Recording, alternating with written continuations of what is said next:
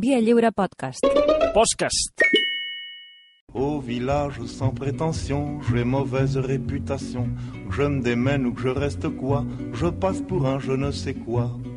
Je ne fais pourtant de tort à personne en suivant mon chemin de petit bonhomme. Mais... Hola, Santi Jiménez, bon dia. Hola, bon dia. Què tal? Ui, quina energia, què passa? Que estàs intentant copiar a, a Toni Garcia, Ramon, o no? Estic molt cascat. Pobre. Estic molt Ha cascat. passat... No, home, ja està molt bé, No, però ha no, passat, no ha vinc de passat el tema creuer, Covid. no vinc de creuer, ni de Disneyland París. El que li falta és que li posin un... Jo crec que saps què passa? Que no un està, resort de, a Bali, allò... no està acostumat al relax.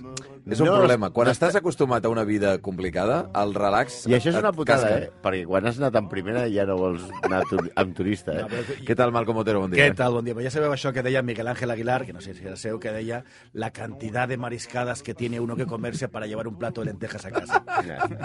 Perquè, bueno, per determinades feines ha de fer...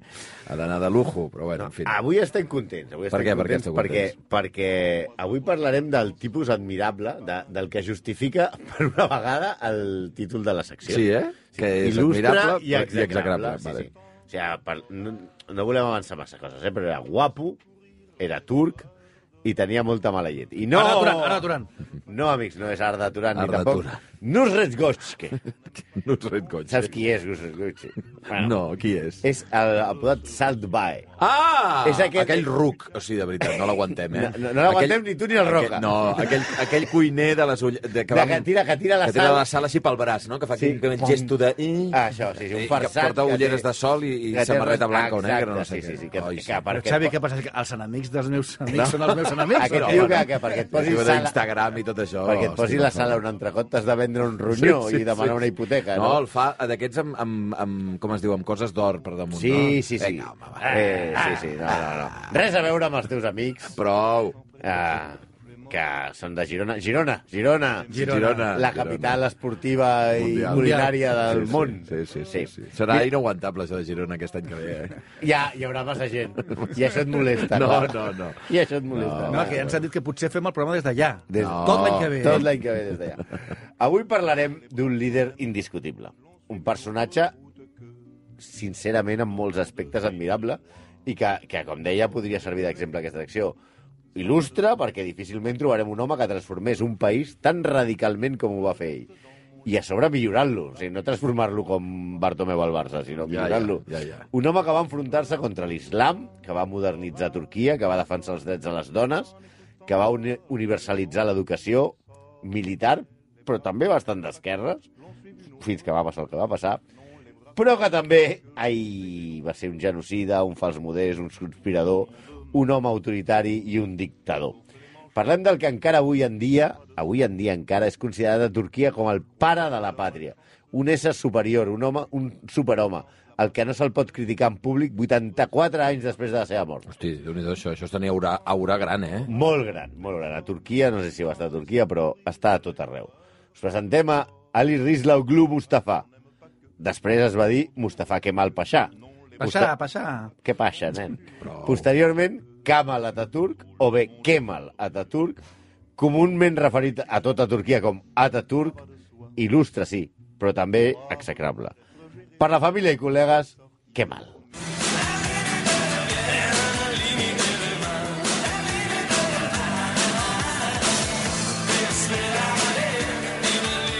El bien y qué mal. Que mal, que mal. El límite, qué mal. Ja s'entén, El ja. límite, qué mal. Prou. De, de dels seus inicis, el nostre xavalet va estar en el límite del bien i el límite del que mal. Va. Ell, quan va néixer, ni es deia que mal, que mal, ni que bien, ni Ataturk.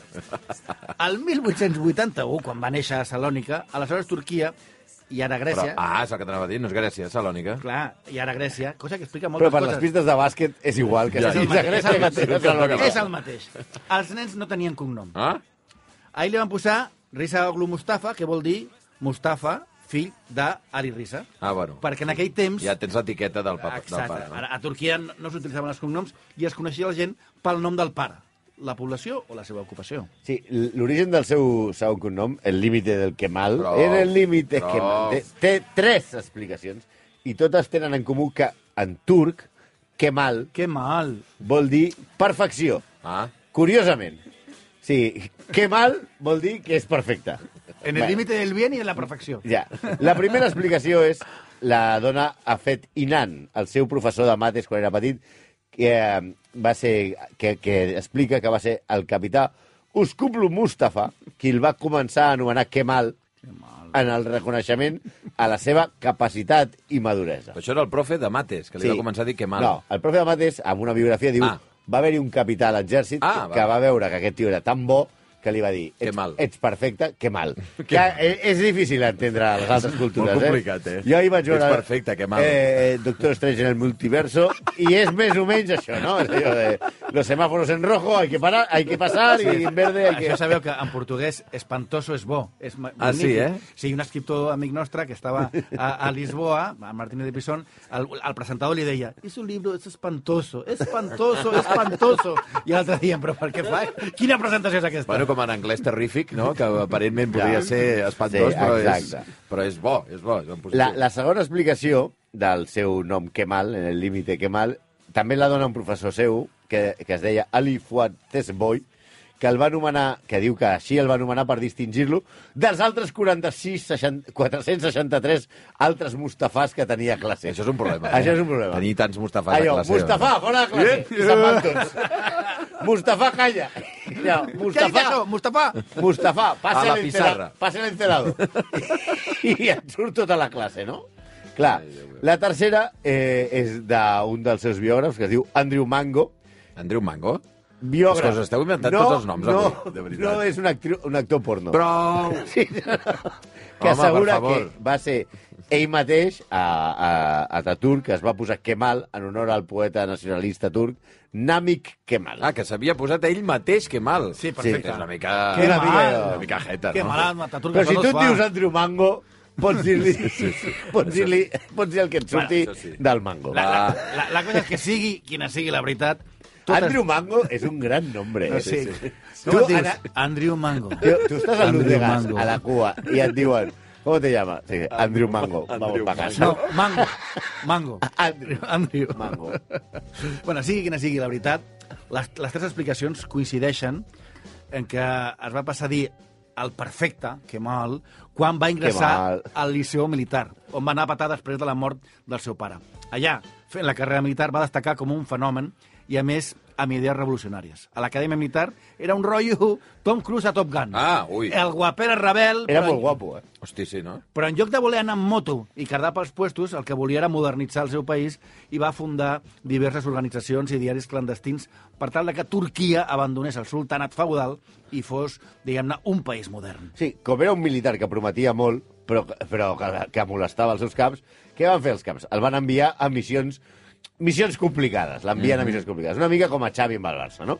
Primer l'envien a Trípoli a defensar la última colònia otomana al nord d'Àfrica. I se'n surt. És a dir, la perd, però no el maten, cosa que fot Ah, bastant bueno. als seus jefes. Està bé. Però demostra que és un gran líder militar. Després, quan a Turquia entra a la Primera Guerra Mundial, eh, fent costat a Alemanya, el destinen a Galípoli, que és eh, on, on, on hi ha una de les batalles més, més sanguinàries i que en teoria és la gran batalla de la resistència turca. Anglesos, australians... Mel Gibson va fer la pel·lícula de Galípoli amb Peter Jackson, és la primera pel·lícula, que eh, tenia el partit perdut. Però resulta que el guanya contra les forces aliades i es converteix en un heroi nacional i en un home molt popular. Clar, i com que no hi ha manera de carregar-se'l, el destinen a la zona del Caucas per lluitar contra les tropes del Sar. O sigui, el van enviar als pitjors llocs que Sí, troben, sí, eh? sí, sí. I en algun lloc els salpalaran, no? Sí. Però què fa? També guanya. Hosti, no el temps que segueix compirant contra els sultans del seu país, que perden la guerra i accepten unes condicions de pau, diguem-ne, bastant humiliants de part dels guanyadors, que desmunten l'antic imperi otomà i institueixen la presència estrangera per tot el país. Què fa, què fa això? Augmenta el sentiment nacionalista que aprofita Kemal Mustafa. El fet que va fer vessar el got de tot aquest sentiment nacionalista, que veien que els estrangers s'estaven apo- apoderant de la, del que antigament era el gran imperi otomà, és quan retorna Turquia, es va obligar a retornar a la ciutat d'Esmirna a Grècia. Mm -hmm. Fet que inicia la guerra d'independència turca. Amb dos collons, aquesta gent, després de perdre la Primera Guerra Mundial, es van posar a fer una altra guerra. una Sí. altra. Els nacionalistes li ofereixen a Kemal el lideratge i ell accepta. Declara un estat paral·lel amb capital Ankara, que era un poblet que només està, perquè està al mig de Turquia, o sigui, pels de l'ESO, la capital de Turquia és Ankara. Ankara, sí, no, sí. Ankara és Ankara. Sí, sí, encara és encara. No, encara... Sí, sí. Vale. I declara que els sultans eh, que havien manat a Turquia eren traïdors a la pàtria. Això crea una guerra civil i hi ha la batalla de Sacària, que dura 22 dies i 22 nits, i Kemal és el que la guanya, un altre cop torna a guanyar la batalla i es fa amb el poder.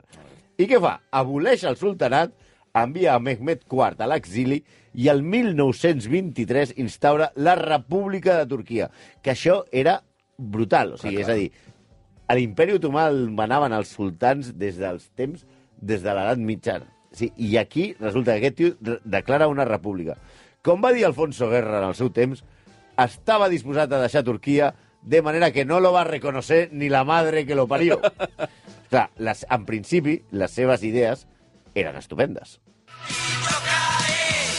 Hombre,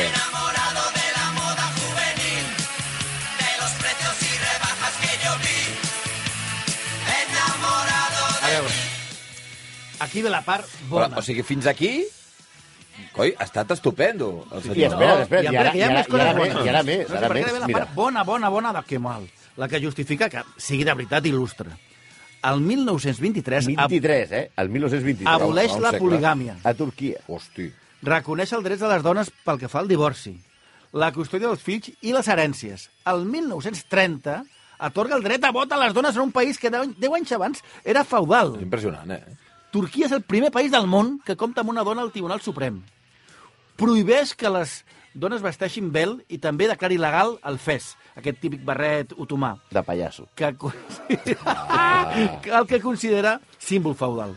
Encoratja les dones i homes a vestir de la manera occidental. Ell vestia de manera occidental. Anava vestit com si fos un, ac- un actor de Hollywood del, Mm. del cine mut. Tanca les escoles teològiques i islàmiques pels seus pebrots. Aboleix la xaria, la llei del Corà, per instaurar el Codi Civil suís, que el copia, i el dret comercial alemany. Decideix també que s'ha de canviar la grafia àrab per un alfabet llatí adaptat per tal que la gent l'aprengués. I ordena que tots els turcs entre 6 i 40 anys tornin a l'escola per aprendre el nou alfabet. Ell mateix feia classes públiques i gratuïtes als parcs. Obre escoles artístiques que estaven prohibides pel, per, la llei, per la llei islàmica. Obre les universitats, on poden anar nois i noies. Imposa l'educació mixta, gratuïta i laica a Turquia als anys 30. Aixeca la prohibició islàmica de no poder veure. Ep. I això ja ens té... Però, però, però... Il·lustra, il·lustra. Il·lustra, il·lustra... Obre els bars. Si no hi havia bars a Turquia amb alcohol fins que va arribar a Ataturk. No són massa coses per haver fet tan ràpid. S'ha de, dir, s'ha de dir que això dels bars era una cosa que el portava bastant de, cal- de, de cap perquè el nostre Kemal bufava com un campió i, era, Ah. i era alcohòlic. Ja, ja. Això ho explicarem més tard. Era el millor consumidor de raki, una mena de nisete escarós que el va acabar per liquidar. I també va acabar amb la cosa aquesta de que els turcs no tinguessin cognom. Va promulgar el 1934 la llei dels cognoms ordenant que tots els ciutadans adoptessin un cognom. Mm -hmm.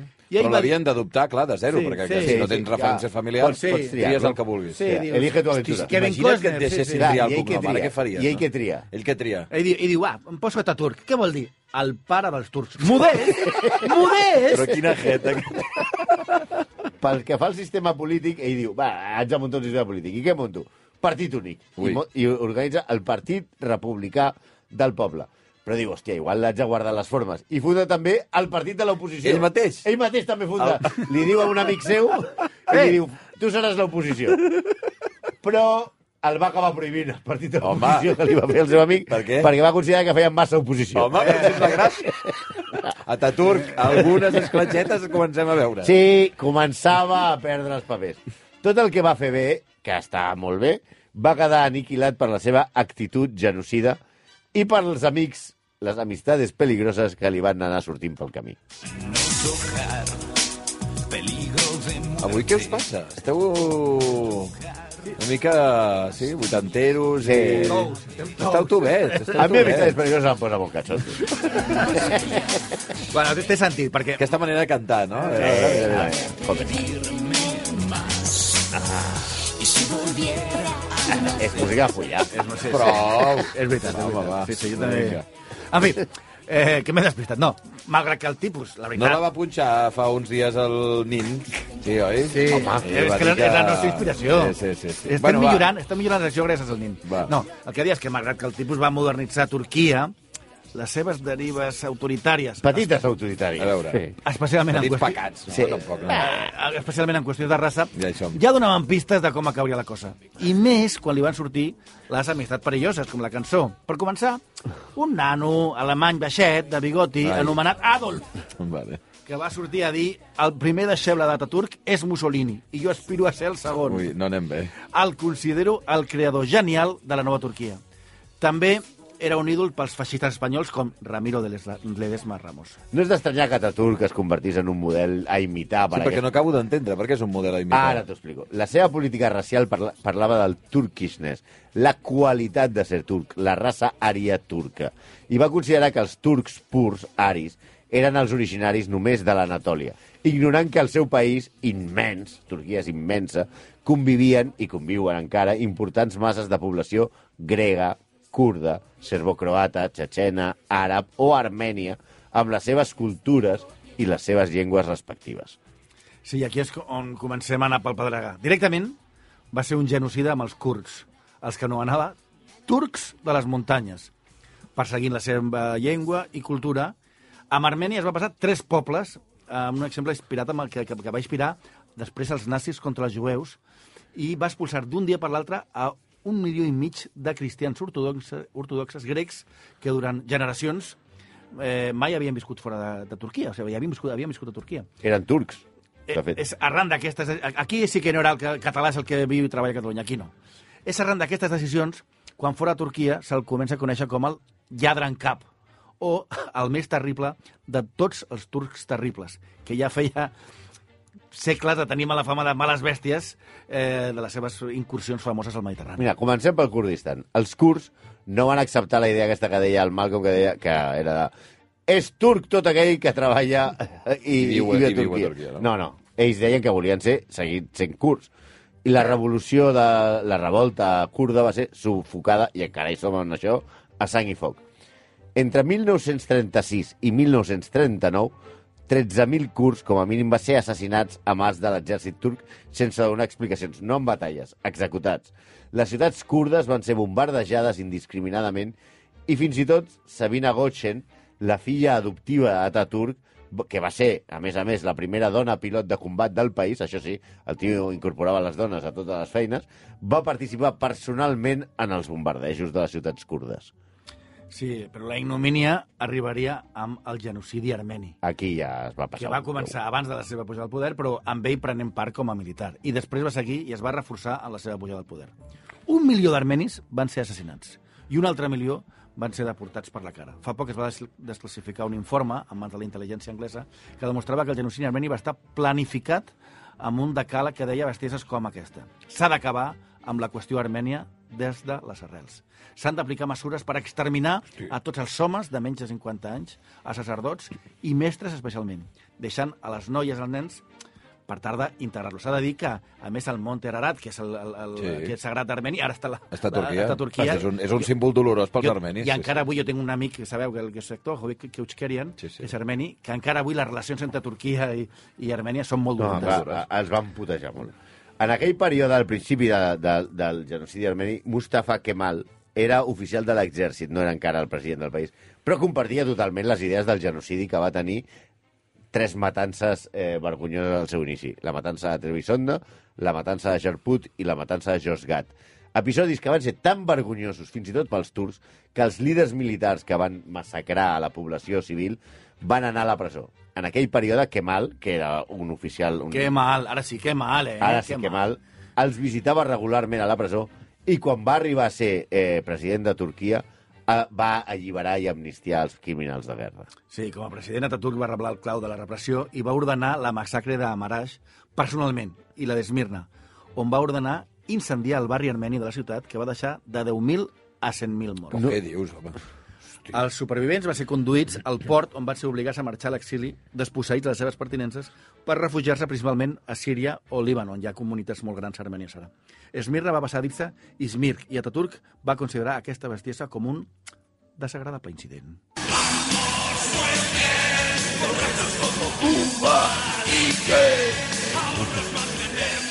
Bé, anem a parlar de, de l'afició d'Ataturk. Per si fos poca cosa, Sí. per amanir la festa, l'amic Ataturk li donava el pimple molt fort i la major part del dia se la passava borratxo. Home, llavors explica una mica tota la resta. Era un gran defensor, això sí, de l'alcoholisme quilòmetre zero i turc, Sí. perquè vivia a base de raki, aquest licor nacional de Turquia, que a més a més és dolç, és com el pastís, un anisset. Ai, ai, La ratafia. Sí, és una taja, sí, però és blanc. Sí. Vols dir que és la ratafia turca? Ja, Exacte. ja, no, perquè a més a més seria més un anís. Un anís, no, un està, anís. perquè ah, eh, és el, el pastís, més o menys. Seria, Mm. el, el, el baixen amb aigua, ell no el baixava amb aigua. res, no. res. A més a més, els accessos a la beguda i amb el tabac, que es fumava més de 3 paquets al dia, i les poques hores de son, perquè el tio sempre estava fent coses, genocidis o, o altres coses, van acabar amb la seva vida el 10 de novembre de 1938, als 57 anys. Hosti. Eren les 9 i 5 del matí. I us preguntareu, Les 9 i 5. a què ve aquesta exactitud a l'hora, no? Doncs perquè des d'aleshores, cada 10 de novembre, a les 9.05 del matí, tenen lloc a tota Turquia cerimònies commemoratives en honor d'Ataturk. Més, a tots els museus del país hi ha un rellotge parat marcant les 9 i 5, en homenatge al Kemal, que segueix sent venerat, tot i que Erdogan ja li fa bastanta competència. Sí, Eh? li fa molta competència i s'està destrossant això, per exemple. Ah, Una altra cosa d'Ataturk és que Ataturk... Però a Erdogan li agrada a Ataturk la Ell referència? intenta ser una mena d'Ataturk, Ah. ah. però islamitzant. O sigui, Ja, ja, tot ja. el que va eh, desislamitzar Ataturk, per exemple, com a exemple, la Basílica de Santa Sofia, mm -hmm. ara és una mesquita. Sí, Sí. Ataturk la va convertir en patrimoni de la humanitat Sí, sí. I, va, i va fer que fos un museu i que no fos de, De ningú. De ningú. Erdogan l'ha convertit en mesquita. Si es despertés, Ataturk De fet, diria, de- de diria fet- que mal. Sí, de fet, Ataturk, eh, Erdogan ha tornat a, a, a portar a tota la família dels sultans a Turquia i que estan reconeguts encara. En canvi, la família, la família d'Ataturk ningú la coneix, perquè tot i que a Turquia encara a Ataturk se'l venera gairebé com si fos un sant, i és gairebé impossible parlar malament d'ell. O sigui, no podeu... Us vetaran el viatge a Turquia, ara, no? Sí, jo ja he estat. Les llegendes entorn a la seva personalitat són innumerables, com per exemple que al morir va donar, i això és veritat, va donar totes les seves possessions a l'Estat, els llibres de la seva biblioteca, el llol, la granja, el Palau Blanc on vivia, perquè no volia que ningú es fes ric per ser només ser parent seu. Bueno, Aquesta idea està mitificada perquè Ataturk eh, difereix una mica de la realitat, perquè segons algun dels seus biògrafs, que òbviament no viuen a Turquia, Si no, no viurien. No, no viurien. no viurien. A ell li agradava molt el luxe. Però va deixar una història escrita perquè el recordessin com un líder espiritual, modest i humil. A més a més, va fer coses molt bones. Però... Llàstima que fos genocida. No, a veure, que no es pot tenir tot. És un al exemple d'il·lustre i execrable. El perfecte.